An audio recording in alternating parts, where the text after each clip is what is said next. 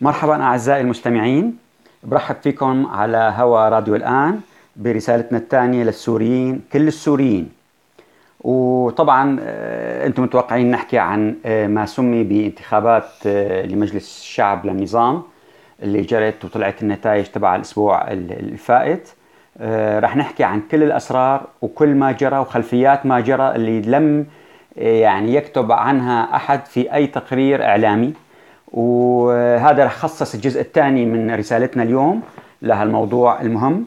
الآن الرسالة الجزء الأول منها رح نبدأ مباشرة بالتساؤل حقيقة اللي الآن بالشارع السوري عم بيحكي إنه يعني آه، قبل بأسبوع كان في وفاة لثمانية من علماء الدين. طيب آه، يعني مع تم نشر اسمهم وأسمائهم وصورهم. طيب الآن يعني فوجئنا البارحة آه، أيضا بوفاة خمسة من الصيادلة والأطباء. يعني هل هذا الأمر يعني فقط يمكن أن نبرره وننسبه إلى انتشار فيروس كورونا رغم أن وزارة الصحة السورية ما أزاعت أنه هدول آه، توفوا بناء على إصابتهم أو دخلوا المشافي أو عولجوا. يعني عم نحكي آه، هدول من سوية تعتني بنفسها تعيش وتسكن في منازلها وليست في مخيمات بعيدة عن النظافة بعيدة عن الأكل الصحي فبعيدة عن الأطباء. فيعني في في تساؤل. هذا التساؤل آه، أيضا مطروح. فراح يبقى معنا مفتوح للأسبوع القادم لنشوف شو نتابعه من داخل دمشق مع مراسليننا هناك النقطة الثانية اللي حقيقة يعني أثارت كثير آه، جدل وصار يعني ضجت فيها وسائل التواصل الاجتماعي اللي هي مقتل ست ضباط. وكل واحد بيقول إنه هذا قريب من فلان وقريب من فلان وذكروا الأسماء كلهم. ويعني كل جهة في بعض الجهات حتى نسبت من قام بتلك العمليات الاغتيال لهم فخلينا نحن دققنا بدقة وتابعنا آه، عن قرب الأسماء. اللي تمام اللي بنقدر الآن نأكد هو التالي لما نشر أيضا وهو خلفيات الأمور. أولا العميد سليمان خلوف اللي هو مدير كلية الإشارة. نعم هذا قتل وهو قريب من آه، رامي مخلوف. والسبب أنه كان هناك اتصال. كون الإشارة تعرف هي بتراقب البث وبتراقب فهي يعني جزء من عمل السيلر فون وشركات الخلوي. فلذلك في علاقة إضافة لعلاقة القربة علاقة نتيجة العمل يعني بهذه القضايا. يبدو أنه اتصل معه من فترة كان في وف يعني مثل إشاعة أنه توفى رامي مخلوف. اتصل معه ليطمن عليه فابتدأ مكالمته يبدو وقال له الخال فكأنه لسه في منصبه القديم اللي هو أنه خوال الرئيس هني فهي جابت أجله. أيضا في آه، نزار زيدان اللي هو قائد لميليشيا ملحقة بالفرقة الرابعة هذا توفى هذا مؤكد يعني نستطيع تأكيد آه، آه، يعني مقتله. أما بالنسبة للضباط الأربعة الآخرين مثلا علي جنبلاط ومعن أدريس اللي هن تم نسب إنه هن مرافقة لماهر الأسد الأسد وتم اغتيالهم ما في أي يعني نعوة ولا يوجد أي جنازة آه، ولا يوجد أي نعي لهم. فبالتالي يعني غير مرجح هذا الأمر أن يكون صحيح. نفس الأمر ينطبق على الضابطين الآخرين اللي هن سومر ديب اللي هو تم تقديمه على أنه هو ضابط كبير. بسجن صدنايا وعذب الناس وحرق وكذا. وأيضا آه، العميد ثائر خير بيك من المخابرات الجوية. أيضا لا يوجد أي تأكيد لا نفي لا جنازة آه، لا أي أمر يؤكد. لذلك أيضا نستطيع أن نقول أنها غير دقيقة. الأمر الثالث اللي بدنا نحكي فيه اللي هو إقالة الضابطين المسؤولين التركيين عن درع الفرات وغصن الزيتون باجتماع مجلس الأمن القومي التركي. وبالتالي صار في تساؤلات كثير إنه ليش ليقيلهم مثلا رئيس أردوغان لاثنين الجنرالين لواحد مسؤول عن درع الفرات وواحد عن عملية غصن الزيتون في سوريا وبيديروا مناطق وتحتهم قيادات من الجيش ما يسمى الجيش الوطني السوري. خلفية الأمر اللي دققنا فيها طلع هو التالي. بسبب فشل تم إحالتهم إلى التقاعد بسبب فشل في تنظيم وضبط ال ال ال الأمن في الكتل الجيش التابعه لهم يعني صار في اقتتال ما بين عدة فصائل من الجيش الوطني السوري أدت إلى خسائر مادية وخسائر من الناس وخسائر من المدنيين. بالتالي الآن تدرس القيادة التركية إعادة هيكلة الجيش الوطني ضمن محورين. المحور الأول تخفيض عدد الفيالق من ثلاثة إلى اثنين. المحور الثاني اللي هو إبقاء الفصائل اللي تقوم فعلا بعمل حقيقي والفصائل الداعمة لها يتم تتبيعها إلى القوات التركية والقواعد التركية وبالتالي ما تكون ب آه، يعني آه، تحت آه، أمر قوات سورية وبالتالي قد تؤدي إلى مشاكل. الأمر الآخر اللي هو الفيديو اللي عمل ضجة كبيرة هو فيلم للداعية خلود السروجي اللي هي يعني لها مرتبة متقدمة في التنظيم النسائي الديني القبيسيات. طبعا هي مستشارة إعلامية في وزارة الأوقاف وعم تصور حالها كانت بالفيديو وتتمايل فيه أمام مسبحة في الفيلا اللي, اللي تملكها. ويعني فأثار كثير من من نقاشات وفتح الموضوع القبيسيات أيضا للنقاش. طبعا آه، هذا موضوع طويل آه، يعني شائك. نحن خلفية الأمر خلينا نحكي عن خلفية الأمر. خلود السروجي حقيقة آه، خلينا نقول إنه هي زوجة هو قاضي بالمحكمة العسكرية العميد سامي البندقجي. عما هو العميد أحمد خدام السروجي اللي هو كان نائب رئيس إدارة أمن الدولة سابقا ووالدها عضو مجلس الشعب محمد صياح السروجي. فهي تنتمي لهالعائلة ومدللة وحابة يعني يعني كانت تظهر حالها لأنه حابة تاخذ دور أكبر يبدو في يعني تعيينات قادمة قد تكون وزارة حاطة عينها عليها مثلا وزارة أو أمر ما سفيرة أو يعني أمر ما ترغب فيه فعم بتقدم حالها إنه هي تحمل الوجهين الوجه المودرن اللي هي عم يعني مانا المحافظ جدا واللي بيجوا السيدات بيبوسوا لها إيدها لكن هي أيضا وجه يمكن أن تصلح في أماكن ومناصب أخرى. هذا خلاصة الأمر. بنشكر أيضا السيدة وفاء علي مصطفى اللي, اللي عملت كلمة مباشرة لأعضاء مجلس الأمن الدولي ال15 بحضور سفير النظام السوري بشار الجعفري ودعت فيها لأطلاق المعتقلين وحكت عن عن الظلم اللي عم يلحق بالمعتقلين في سوريا وال, وال, وال يعني حقيقة الجرائم اللي عم تمارس ضد الشعب السوري. ومشكرة على أداءها الآن رح ننتقل مباشرة للجزء الثاني اللي هو ماذا جرى في انتخابات. هل يمكن أن نسميها أصلا انتخابات؟ اولا في عشر قضايا مختلفة تماما عن كل ما جرى سابقا في انتخابات مجالس الشعب منذ عام 1973 أول قضية مهمة جدا اللي هي كانت سابقا بيتم فروعة الحزب في المحافظات. تختار ضعف العدد المطلوب من المحافظة. تجي القيادة المركزية أو القيادة القطرية بتنقي العدد المطلوب من, من ضعف العدد.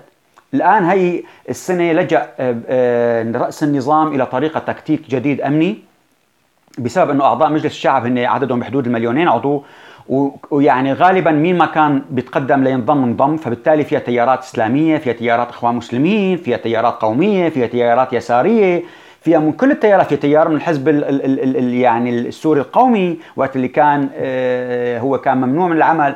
فلذلك من أجل فضح كل تلك التيارات ومعرفة حجمها ووزنها وممثلينها من الشرائح اجى رأس النظام قال نحن هالسنة رح نعمل آه انتخابات حرة وأنتم بتنتخبوا بشكل حر دقيق والقيادة ما رح تتدخل وبتاخذ مرشحكم. وبالتالي صدقوا الناس انطلقوا فكشف كل التيارات. كل تيار مين فيه ومين ممثلينه وقام لغاها مباشرة بيوليو تموز 2 وبيوليو تموز أربعة أعلنوا الأسماء اللي هن بدهم إياها من الأسماء اللي نقوها منهم ومن خارج الأسماء وعلى كيفهم فبالتالي يعني قدر يعرف كل القوى السياسية وخلص من ال ال ال الناس اللي اللي ما بده إياهم ممثلي التيارات ما بتعجبه شالهم. أيضا لأول مرة تم إجبار الجيش والأمن والشرطة التصويت لأنه ما كان يحق لهم بالدورات السابقة صار في قانون رقم 8 عام 2016 فسمح لهم بالتصويت مع إنه كلهم صوتوا فالجيش والمخابرات وكل قوى الشرطة وكل موظفي الدولة ومع هيك ما قدروا يطلعوا النسبة أكثر من 10% وفق مصادرنا الميدانية الدولة في وزير العدل أعلن أنه 33% لكن هذا طبعا مبالغ فيه. وبحب أكد لكم أنه في المدارس اللي بتعتمد على تصويت الناس والأهل المدنيين صفر صفر. وهذا بيشمل كل المناطق اللي فيها أغلبيات مسيحية وعلوية مما يدل أنه في استياء عام ضد النظام من كل المش... المشارب والأديان. أيضا من أجل أن يت... هي كمان ما حدا لأول مرة بتاريخ سوريا وما حدا حكى عنها في الإعلام لأول مرة من أجل أن تقارب من دولة أرمينيا لأنه بده إياها توقف معه ضد تركيا بسبب الحقد التاريخي بين الترك والارمن اثنين بده إياها تعطيه الأسلحة تبع الاتحاد السوفيتي الموجودة عندها لأنه هي بتلزمه عنده أسلحة روسية آه، نظام الأسد. ثلاثة بده يكافئ الأرمن اللي وقفوا معه بحلب. لذلك أعطاهم ثلاث كراسي. ولأول مرة وحدة اسمها لوسي إسكانيان بتكون ممثلة لحزب البعث قائمة الوحدة تبع البعث. واثنين اللي هن نور أرسينيان بالشام وجراير أرسينيان بحلب نجحوا يعني ثلاثة أرمن مقارنة بأبعد الأكراد كلهم. آه، أجبروا لعمر أوسي اللي هو عضو برلمان 2012 ما يرشح وخلاه يخسر لطريف قطرش الكردي اللي هو عضو برلمان من 2015 ونقى بدالهم أربع أكراد مجهولين ما حدا لهم وزن نهائيا اللي هن عبد الرحمن خليل من الحسكه وإسماعيل حج من الرقه ورئيس أمين عام الحزب الشيوعي طبعا المزمن اللي هو عمار بقداش ابنه لخالد بقداش وآلام بكر من ريف حلب. وبالتالي ما بيمثلوا قوى الحراك المجتمع الكردي الحقيقي. لأول مرة أيضا بتاريخ سوريا بيأمر بشار الأسد بضم سبع ألوية متقاعدين ست ألوية وعميد متقاعد ضمهم إجباري بعملهم آه، عبارة عن أعضاء في مجلس الشعب. اللواء عيطان عيطان من دير الزور والعميد عبد الرزاق بركات من ريف حلب واللواء الدكتورة باسمة الشاطر من دمشق. واللواء مفلح النصر الله من درعا واللواء نسيب أبو محمود من السويدة واللواء مصطفى سكري اللي كان معاون وزير الداخلية من حماة واللواء فايز الأحمد من الجيش أيضا من حماة يعني عسكر ليش طيب هو العسكر؟ هي خلفيته كمان ما حدا حكى عنها في الإعلام لأنه هو عمل تصريح بشار الأسد آه، قال فيه وبشكل دقيق إنه بهي العملية وقت اللي بصير في عسكره للمجتمع هذا الشيء بيضمن له ثلاث أمور مهمة، اولا في احترام تام للتراتبية، اثنين تنفيذ الأوامر بدون مراجعة وبدون نقاش، وقدرة غير محدودة على الصبر والتحمل وهيك بده المجتمع السوري يمشي لحتى يكون كله تحت أوامر النظام. اذا هي نقطة مهمة، أيضا في عامل سادس اللي هو لاول مرة بتاريخ سوريا المرشحين كبار بيجي بيقولوا لا إنه كانت الانتخابات فاسدة فيها شراء للذمم في غش بالصناديق ومن كبار المرشحين مثل مستوى فارس الشهابي اللي حكى حكي كبير ولجأ للإعلام وللفيسبوك وحكى أنه هو بيرفض هاي النتائج لأنه مورس عليه ضغط كبير من مافيات الفساد وأمراء الحرب وأنه هدول داعش الداخل. طبعا آه أنتم ما حدا بيعرف ليش شو السبب الحقيقي للموضوع؟ يمكن حتى نفسه فارس.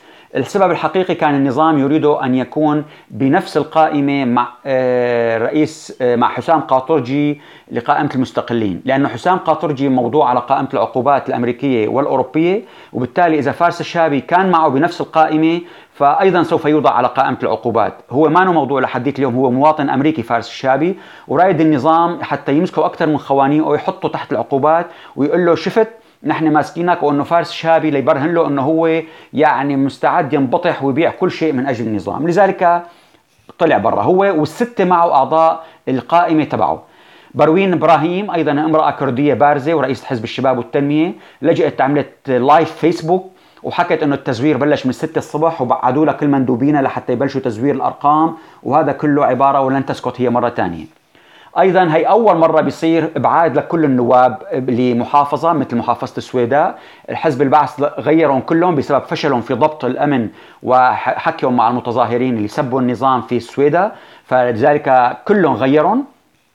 أيضا هي أول مرة بيتم السماح فيها لأفراد عملوا مصالحات مثل واحد قيادي أمني سابق في داعش اسمه فاضي رمضان العفيس لغوا له ملفه اللي هو لا حكم عليه وخلوه يترشح رغم إنه خسر عامر تيسير خيتي من ريف دمشق اللي بتربط عائلته بميليشيات جيش الإسلام وعنده علاقات لأخوه بقيادة التهريب.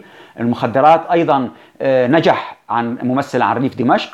آه، تم التلاعب بالانتخابات وبالصناديق وبكل شيء لذلك النتائج يعني شيء معيب. النقطة كمان اللي ما حدا حكى عنها أبعد كل من له وزن. يعني آه، بغض النظر أو شعبية بغض النظر إذا كان محترم أو لا. حتى مثل فارس الشابي طريف قطرش ماريا سعادة آه، موسى عبد النور اللي هو نقيب الصحفيين أيضا أبعد الشيخ عبد العزيز الملحم اللي هو واحد من كبار الشخصيات في مجلس الشعب من من أكثر من 30 40 سنة أيضا ما خلاه ينجح لا هو ولا ابنه الشيخ نواف اللي هو عضو مؤتمر سوتشي ومحادثات جنيف ورئيس حزب الشعب ما خلاه يترشح ولا خلاه ينجح. الخسارة الأكبر كانت لمحمد الفارس شيخ قبيل الطيب الحسكي الشيخ نواف المصلت شيخ الجبور كمان فرسبوا في الحسكه ما بقي حدا ينجح. لذلك النتائج كانت جدا سلبية حتى جماعة النظام اي يعني اعتبروها إنه كانت تخينه كثير التزوير اللي فيها.